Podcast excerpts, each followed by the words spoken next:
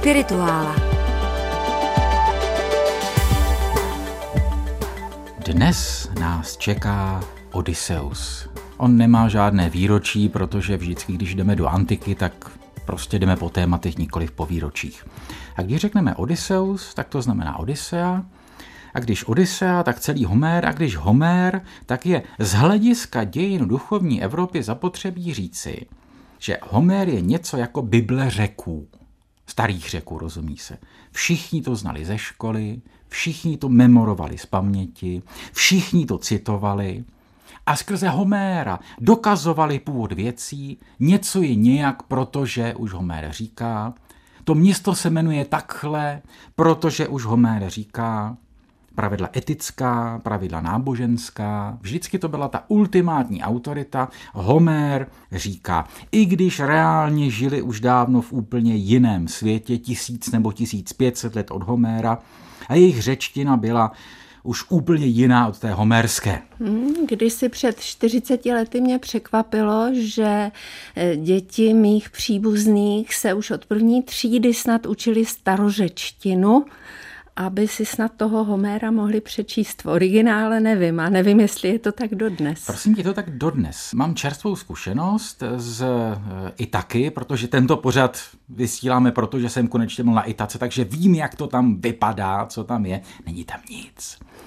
A několikrát v rozhovoru s místními došlo právě na to téma staré a nové řečtiny. A dvakrát se mi dostalo téže odpovědi, dokonce od jedné paní, která sama učí řečtinu, starou, malé děti, a říká, oni to nesnášejí. Nesnáší, ano, to je pravda. Pro ně je to strašně složitý jazyk. No, jenomže pozor, ta řečtina, kterou se učí běžně ve škole, čili ta atická, chceme-li, je ještě úplně odlišná od té Homérovy. A každý, kdo studoval klasickou filologii a měl ty první dva semestry a naučil se klasickou řečtinu atickou, a potom v dalším semestru došlo na Homéra, zjistil s hrůzou, že jistě základy slov se sobě podobají, ale ty gramatické kategorie fungují hmm. úplně hmm. jinak. Už chápu, že je to pak záliba na celý život. Ano, ano, přesně. Člověk by, ano, chtěl být jako řecká zpěvačka Alina Makropoulos a žít 300 let, aby se pořádně naučil všechno. Ale já mám připravenou ukázku tady. Ta ukázka bude z díla císaře Juliána Apostaty, který žije zhruba 2000 let po Homérovi. Antika trvá strašně dlouho, ale už je na samém sklonku. A to je člověk, který zkouší obnovovat starou zbožnost ve světě, který už je většinově křesťanský. A když ve svých textech, to je císař velmi plodný literárně, poučuje svoje stoupence, jak se má člověk modlit, to bude ze spisu Misopogon, který eh, teď jsem přeložil a chystám k vydání, tak on tam říká, člověk se má modlit tak, jak nám to ukazuje Homér. Rozumem nadaný člověk se modlí důstojně a tiše žádá bohy o dobré věci. Co pak jste nikdy neslyšeli Homérovo pravidlo, ale jen pro sebe tiše? Ani si nepamatujete, jak Odysseus spražil Eurykleju, šokovanou, jak nenadále se mu jeho velké dílo zdařilo, v duši se stařeno raduj a zdržuj se výskat přec nesmíš? Ani nevíte, že Trojané se nikdy nemodlili k Priamovi, ani k nikomu z jeho dcer či synů, ba ani k samotnému Hektorovi? Tedy k tomu se sice prý tak trochu modlili jako k Bohu, ale přímo v textu nikde nenajdeme scénu, ve které se někdo, ať muž či žena, k Hektorovi modlí. To k Aténě v Iliadě všechny ženy křičí a zdvíhají ruce. To je sice forma barbarská a vhodná právě tak jen pro ženské. Rozhodně to však není projev neúcty k bohům. Neúcta je to, co provádíte vy. Oslavujete lidi místo bohů, nebo ještě přesněji, děláte, jako by člověk, totiž já, byl bohem. Vůbec nejlepší by ovšem bylo bohy neoslavovat, ale sloužit jim podle správné míry. Tak pravil císař Julián Apostata. A My... apostata znamená odpadlík. Ano, ano, ano, to je, on se, ne, on se nejmenoval apostata, to je nadávka, to je, eh, to je jaksi jméno, kterému dali jeho křesťanští odpůrci. To je ten hnusný, to je ten, co odpadl od křesťanství. Mm-hmm. Já, čili takhle to je. A zároveň, když ten Julián Apostata 2000 let po Homérovi říká, máme se modlit, jako se modlí Homérovi hrdinové, tak si neuvědomuje, že i to řecké náboženství se od té doby strašně proměnilo. A neuvědomuje si, jak moc je jeho vlastní svět ovlivněn tím křesťanstvím, které má samozřejmě všude kolem sebe. A když on zkouší rekonstruovat co si starého, je v tom mnohem víc nového, mm-hmm. než, než on sám tuší. Ale o tom svědčí někdy jindy. V každém případě nás tím Julián Apostata navádí k jednomu velkému tématu spojenému s Homérem a speciálně s Odysejem. A to je to, že, jak říkáme, Hledalo se tam všechno možné, lidé tam hledali zdůvodnění svých mnohem pozdějších jiných náboženských, politických, literárních, kulinárních, nevím jakých prostě zálib a kulinářství homerské je samozřejmě příšerné, ale o tom taky někdy jiný třeba. Eh, ne, ale co je vážně, bez legrace, je vztah Homéra a křesťanství a speciální postava Odysea, jakožto možného prototypu Kristova. Já myslím, že už jsme na to někdy tady narazili. To, že otcové, rozumí se církevní otcové, autoři takzvané patristiky, jako je Klement Alexandrijský, Řehoř Naziánský, Řehoř z Nisy, Jan Zlatoustý a další, běžně s tím Homérem pracují. Znají to, oni jsou všichni klasicky vzdělaní, pro ně to je součást jejich, prostě to mají ze školy. Jo? A část jejich, eh, jaksi, jsou, eh, ne souvěrců, ale jsou lidí v témže světě, stále tomu věří nábožensky. A oni, i když tomu nevěří nábožensky, tak pořád to berou tak, to je nějaká kulturní tradice, kterou bereme vážně a pozitivně a hledáme v tom zlomky toho dobrého, správného a tak jako se mluví o tom, že eh, starý zákon z křesťanského hlediska obsahuje prototypy toho, co se naplní v Novém zákoně, podobně, že u Homéra, Platóna a podobně nacházíme prototypy čeho, co se naplní v křesťanství. A v tomto smyslu Odysseus, eh, vyhnaný, ponížený a na závěr oslavený, bývá často brán jakožto prototyp Krista. No tak to mi budeš muset asi vysvětlit. No a toho jsme přece tady. Odysseus nejvíc ze všech hrdinů, taky má tam nejvíc prostoru samozřejmě, eh, nejvíc zažívá jak to ponížení a utrpení, tak to zbošťování. Jo, to, že přijde o všechno, potuluje se světem, tam je speciální ta scéna, kdy on eh, se vylodí, vlastně vyplaví beze všeho, prostě nahý, pokořený na ostrově Kerkíra, dnešní Korfu, před tou Nausiká a prosí, aby mu pomohla. A v zápětí, když ho vezou do města, tak Aténa mu dodá větší vzrůst, Jo, ta Aténa, ta jeho ochránkyně pořád vždycky ho jako tu z ní učiní starého, aby byl nenápadný jako ten žebrák, tu naopak mu jako přidá krásy velikosti, omladí ho a říká se tam, takže je podoben Bohu v šestém zpěvu. A to se pořád opakuje. Před těmi ženichy jako žebrák, potom se objeví jako božský a v závěru Odyseje tam jsou vysloveně křesťanské v tom jaksi metaforickém smyslu pasáže, kdy lidé nechtějí věřit, že se Odysseus vrátil a dokonce tam zaznívá spojení nevěřící Pénelope kdy Eurykleia, ta služka, jí dává zprávu, že Odysseus dole v mužské síni pobil ženichy a ona, nevěřím, děláš si legraci, ženichy pobil nějaký bůh. Eurykleia říká, ale já jsem viděla tu jizvu jeho. Penelopa, neuvěřím, dokud si sama nesáhnu. Penelopeja se zatím zamyslela a vrtěla hlavou. Nesváděj chůvo předčasně k jásotu, řekla. Ty nejlépe víš, jak by se zjasnilo v paláci mém i v mém srdci a v srdci našeho syna. Není však možno, co zřekla. Ženichy pyšně pobyl leda nějaký bůh pro jejich svévolné činy a zlobu. Nectili nikoho na světě širém, chudého, bohatého, přišel-li do jejich spárů. Stihl je tedy osud za jejich viny – Odysseus můj však v dáli ztratil již cestu domů i život. Pohlédla Eurykleja úžasle na ní. Co to povídáš, dítě? Tvůj muž jenž dole u ohně sedí, že nepřijde domů? Jaká ty nevěřící? Řeknu ti tedy znamení jeho. Jizvu, kterou mu zasadil na lovu divoký kanec, tu má. Když jsem mu měla nohy, spatřila jsem ji a chtěla jsem běžet k tobě. Ucpal mi rukou ústa a tlumeně zakázal promluvit slovo. Pojď však již se mnou, ručím ti hrdlem a lžuli, dej mě umučit nejhorší smrtí. Odpověděla jí moudrá Pénelopeja. Těžko je chůvo poznatí úmysl Bohu, ačkoliv rozumíš všemu. Sejdu však přece k synovi do mužské síně. Chci vidět těla ubitých ženichů, spatřit i toho, který je pobil. Řekla a se stupovala do večeřadla. Srdce jí rozpaky tlouklo, máli jen z Prahu zavolat na svého chotě, či letět mu vstříc a zlíbat hlavu i ruce.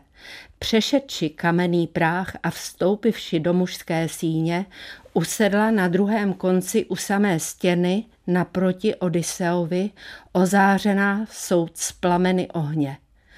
On seděl opřen, oštíhlý sloup, maje sklopeny zraky a čekal, co řekne statečná jeho žena, až pohlédne na něj.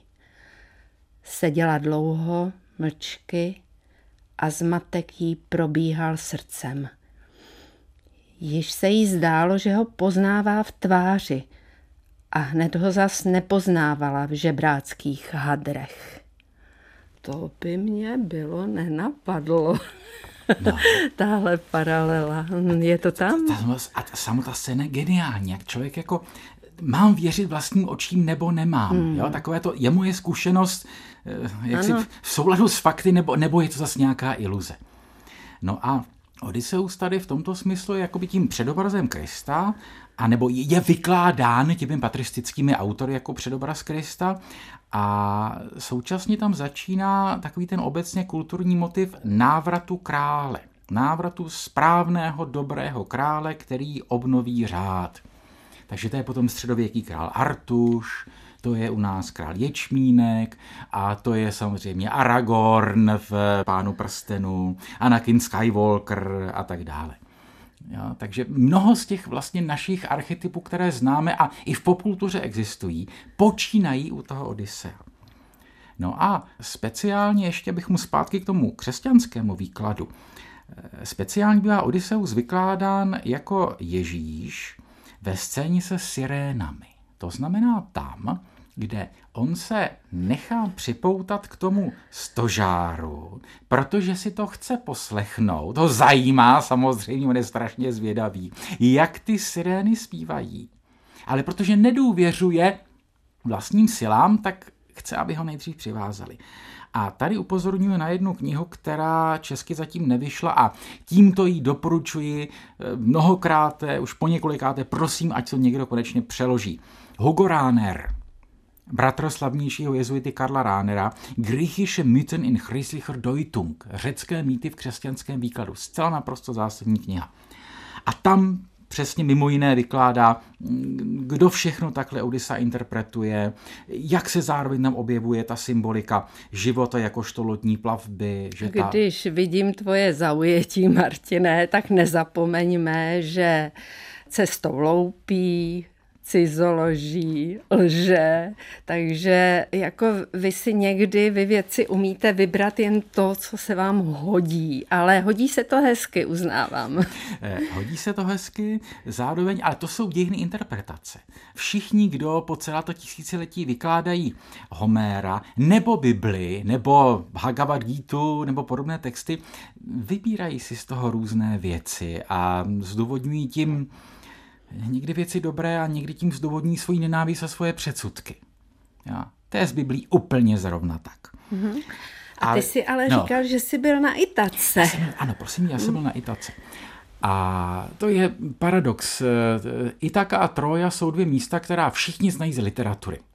Aspoň z těch dětských převyprávění. Ale nikdo tam nejezdí, protože ono tam, jednak je to daleko, špatně se tam dostává a jakoby nic tam není. A v té Troje, o tom už jsme mluvili, to hradiště nakonec Šlíman vykopal. On ten Šlíman taky to zkusil na Itace.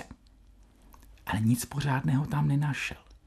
Itaka, když tam člověk nechce putovat, musí vynaložit poměrně velké úsilí, protože Itaka je ostrov, na kterém Naštěstí, říkám já, není letiště. Někdo říká, že to je smůla, někdo říká, že to je štěstí, takže člověk musí letět na Kefalonii, a od tamtud potom trajektem lodičkou, která jede eh, dvakrát denně, se dostane teprve na Itaku. A je to součást toho sedmi ostroví? Ano, ano, ano, ano. Je to, mm-hmm. už jsme vlastně mluvili tady o ostrově Korfu, mm-hmm. takže to patří k tomu a mluvili jsme tady krátce o ostrově Paxos, se kterými je spojena ta legenda o smrti boha Pana. Čili to je stále tatáž oblast, vlastně malá, ale kulturně strašně významná v tom západním Řecku.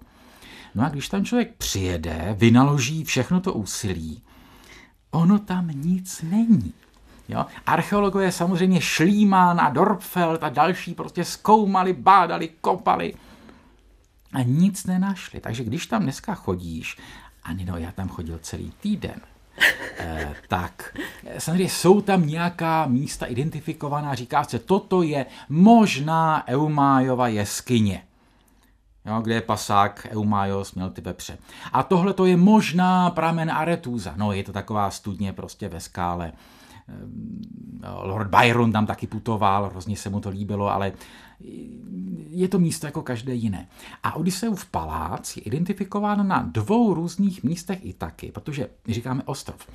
Oni jsou vlastně to ostrovy dva, respektive dva poloostrovy, spojené úzoučkou šíjí a ti na severu i taky říkají, to bylo tady, to je tady ta ruina. A ti na jihu i taky říkají, ne, ne, ne, to je tady ta naše ruina. A samozřejmě spolu strašně zápasí. A to ještě nemluvíme o tom, že archeologové, speciálně tedy prostě Dorfeld, došli k názoru, že současná Itaka není homerská Itaka. Že hmm. ta homerská Itaka byla Leukáda. Hmm.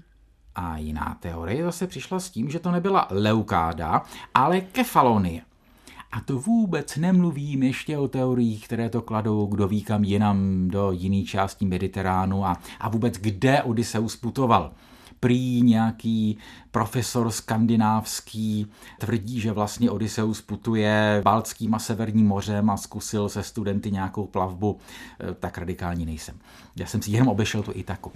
Ale svým způsobem je to, že mi tam napadlo takové čtyřverší, Odysseus na Itace vyvracet má spoustu práce, teorie další v řadě, že prý vládl na Leukádě. Jo. Takže člověk, který přijde s tím, že hmm. jakoby uvidí ta místa, když tady se to odehrávalo, eh, bude strašně zklamán. Byl jsi zklamán? Ne, protože jsem se připravil, takže jsem viděl, že tam nic nebude a že to bude cesta s tou knihou a s imaginací. Hmm. Jo, takže jsme tam prostě bydli v takovém jednom domečku ve vesnici, kde skutečně jako nic není a je to úplně izolované ode všeho, hory vlevo, hory vpravo a čteš a představuješ si a říkáš si, ano, Itaka je tady a zároveň se taky dá říct, že Itaka je všude, nebo Itaka není nikde. Jo, že i tak, a to jsou potom ty další výklady, ten další druhý život Odysseův, kdy se říká, no to je vlastně metafora lidského života. Ale zase, abychom vůči tomu konkrétnímu ostrovu Itaka byli spravedliví, eh, nějaká tradice tam přece jenom existuje, protože nenašli skoro nic, ale našli tam jednu střepinu. No směj se, co Tady přede mnou leží, chceš říct. Ne, tu jsem neukradl, ne, tu jsem neukradl neukradl v eh, muzeu. To, co jsem tady přinesl, ten artefakt, ale popíš ho. Kus kamene, na který se dá dobře napsat Evchín Odyssey. Mm-hmm. Čili... Čili toto je kámen z Itaky. Mm-hmm. Nejsem geolog, takže nevím, co to je za, mm-hmm. co to je prostě za horninu, ale je to vlastně skopírovaný, eh, normálně nalezený tam někde prostě na cestě.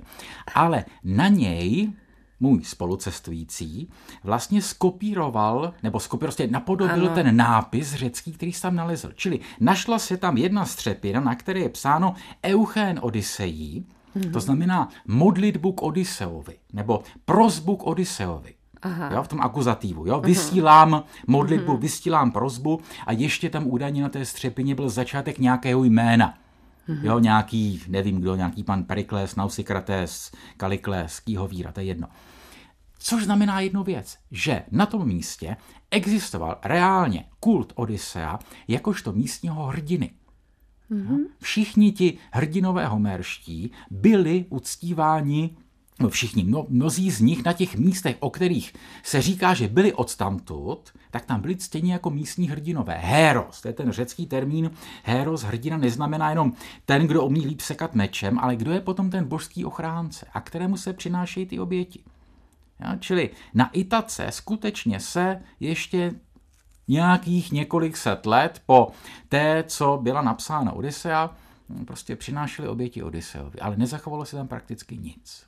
Což souvisí i s dalšími osudy toho ostrova, který potom samozřejmě sdílel osudy s těmi ostatními ostrovy a patřil pak prostě a Makedonii a Epiru a Římanům a tak dále. A ve středověku se úplně vylidnil po různých prostě bitvách a morech a podobně.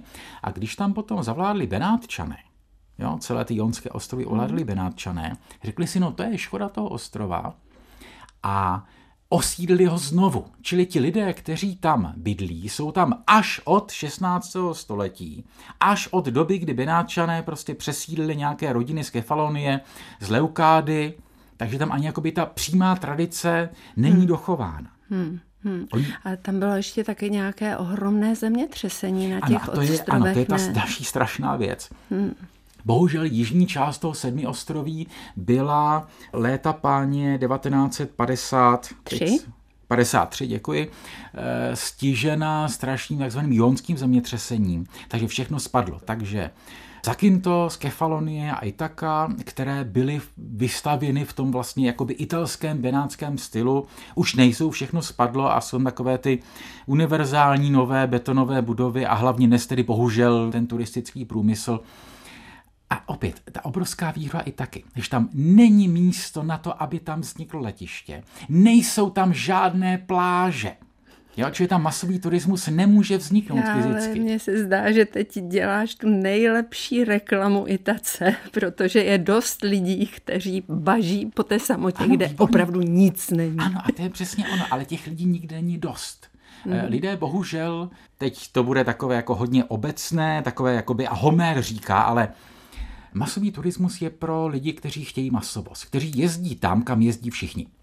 Jo, a kde se řekne, a tam jsou ty pláže, a tam jsou ty hotely, a tam je to všechno pro vás zařízené, připravené, nebudete muset nic dělat. I taka je pro dobrodruhy, i taka je pro ty, kteří skutečně vykonají tu jaksi práci fyzickou, práci mentální, dostanou se tam a nebudou tam mít žádné koupání.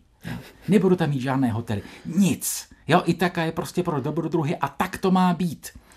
To je Odiseovské. A to, že Itaka není vhodná pro masy, je řečeno už v samotné Odiseji, když totiž Telemachos během pátrání po otci navštíví otcovi kamarády a je u Menela ve Spartě, tak Menelaos, jak se ti hrdinové pořád dávají ty dary, tak říká, já ti dám tři úžasné koně, a on říká, no děkuji pěkně, ale na Itace není pro koně místo. Itaka hmm. je celá hornatá, na Itace můžou chodit jenom osly.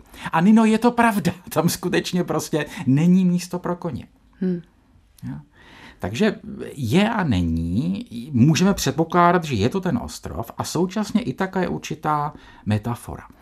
A tady, když pomeneme Jamesa Joycea, jeho Odyssea a všechno možné, tady si myslím, že nejkrásněji to formuloval Konstantinos Kavafis, čili básník novořecký, který nedostal na rozdíl od jiných básníků Nobelovu cenu, ale je možná ten jakoby nejznámější, nejcitovanější novořecký básník a čím tahle ta jedna jeho báseň, která se nazývá Itaka.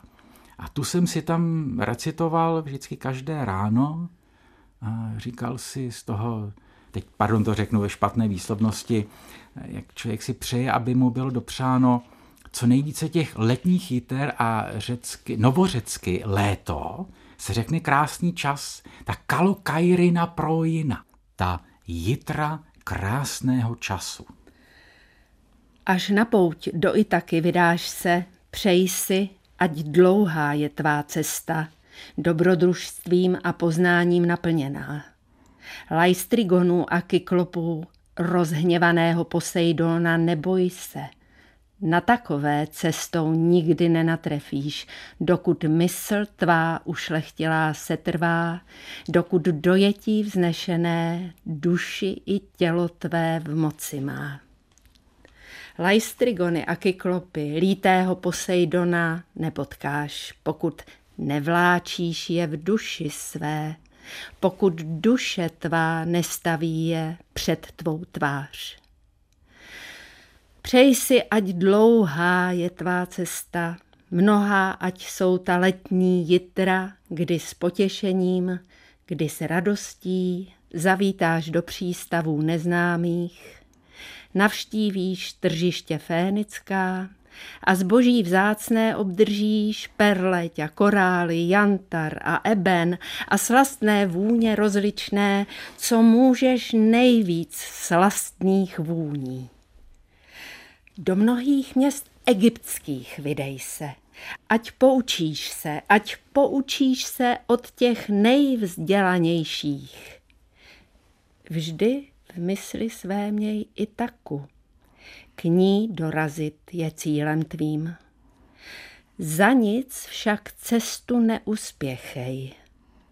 Raději dlouhá léta ať potrvá a teprv, co by stařec, spočineš na ostrově, obohacen vším, co se získal cestou, neočekávaje, že bohatstvím obdaří tě Itaka.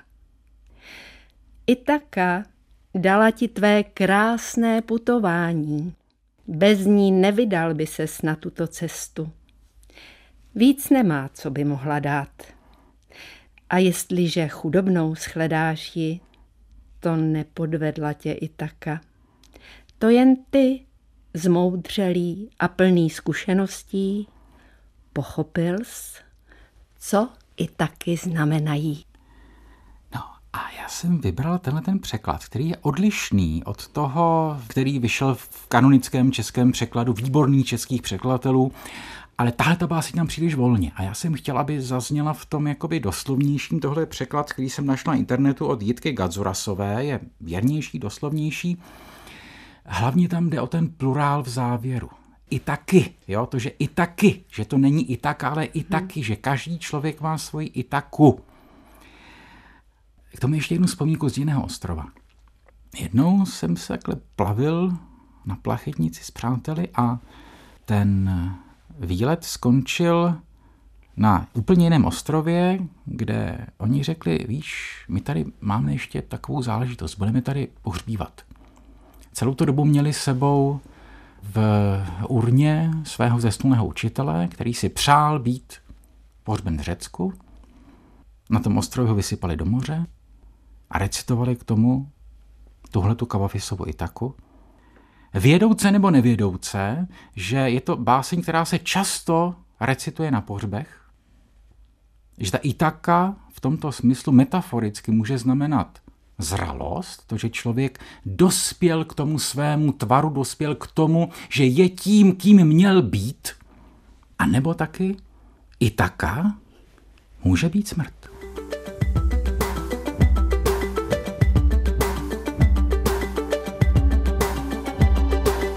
Podcast Spirituála Duchovní Evropa poslouchejte na webu Českého rozhlasu Vltava, v aplikaci Můj rozhlas a na dalších podcastových platformách.